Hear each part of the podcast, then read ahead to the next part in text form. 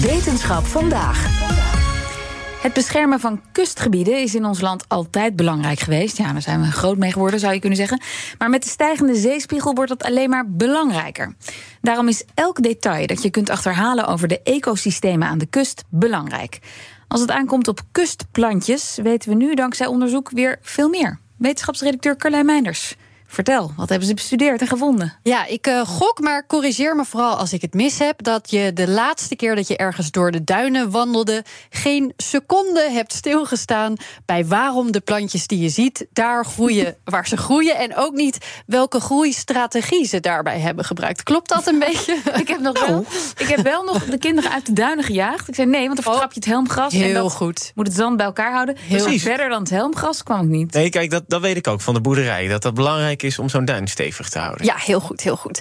Um, nou kun je ook denken, ja, hoe belangrijk is dat dan? Uh, zeker zo'n groeistrategie, maar dat maakt zeker uit, want die plantjes, he, die vormen de ecosystemen aan die kust en die zijn weer belangrijk bij bescherming. Die hebben we nodig om geen natte voeten te krijgen. Zeker als het water stijgt, dan heb je alvast het belang van dit onderzoek uh, gehoord en kunnen we het nu gaan hebben over de opmerkelijke groeistrategieën van jonge kustplantjes. Ja, dat klinkt bijna alsof ze erover vergaderd hebben, die goede strategieën? Ja, je kan uh, natuurlijk moeilijk zeggen dat het bewuste keuzes zijn. Maar ze maken wel degelijk keuzes. En als je bijvoorbeeld gaat kijken hoe beplant ik een duin, dan is het goed om die plantjes daarbij niet in de weg te zitten, in ieder geval. Vier jaar geleden ging uh, NIOS-onderzoeker Clea van de Ven met nog twee collega's op pad om data te verzamelen van een bepaald soort kustplantjes. Van de Ven vertelt even iets meer over die plantjes, wat grassoorten zijn.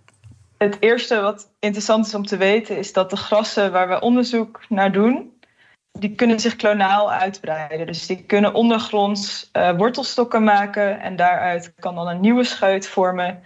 Uh, en zo maken ze de hele tijd kloontjes van zichzelf. Ja, dus hebben we het over een plant, dan zijn dat meerdere van die scheutjes bij elkaar. Dat is alvast goed om te weten. En waar de plant die scheutjes laat groeien, dat is onderdeel van die strategie. Vergelijk het even met een mensenmassa als je een groep mensen bij elkaar hebt, dan kunnen ze dicht bij elkaar staan of juist verder verspreid. En dat beïnvloedt in hoeverre de wind er tussendoor kan. En hetzelfde geldt voor de scheuten van een plant. Uh, met die afstand tussen de scheuten wordt ook beïnvloed hoe makkelijk het water of bijvoorbeeld de wind daardoorheen kan komen. Maar kan die plant daarin variëren? Is het zo dat in de ene leefomgeving een andere strategie wordt gebruikt dan in de andere leefomgeving? Verschilt dat scheutenpatroon bijvoorbeeld? Of doen die grassen gewoon overal een beetje hetzelfde? Dat wilden ze weten van de soorten die je het meest tegenkomt aan de kust. Oké, okay, nou niet iets wat je dus aan de plant kunt vragen. Nee. Dus hoe hebben ze het onderzocht? Uh, nou, ze wilden dit natuurlijk ook in verschillende leefomgevingen dan bekijken. Dus hebben ze bij andere onderzoekers geïnformeerd, maar ook Google Satellite Images gebruikt om de beste plekjes met jonge plantjes te vinden aan de kust tussen Denemarken en Frankrijk. Flink okay. stuk dus. Uh, maar ja, dan moet je er wel heen. En daarom zijn ze met z'n allen gezellig in een camper gestapt. zo rijd je gewoon naar je onderzoeksplekje en daarna klap je zo de campingstoeltjes uit. Ja, in feite hadden we een rijdend huis en lab in één. En we konden zo naar een uh, kustgebied rijden en meteen uh, beginnen. Hartstikke handig. En zo hebben ze in zes weken 27 verschillende locaties bezocht. Zowel duinen als kwelders. En ik weet niet of jullie weten wat kwelders zijn. Mm, ja, nou ja. Nog um, even een beetje uitleg? Ja.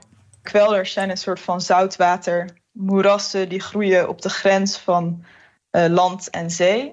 En die heel erg onder invloed zijn van het getij. Dus tijdens eb valt uh, zo'n gebied droog en tijdens vloed staat het onder water. Ja, zo was het inderdaad.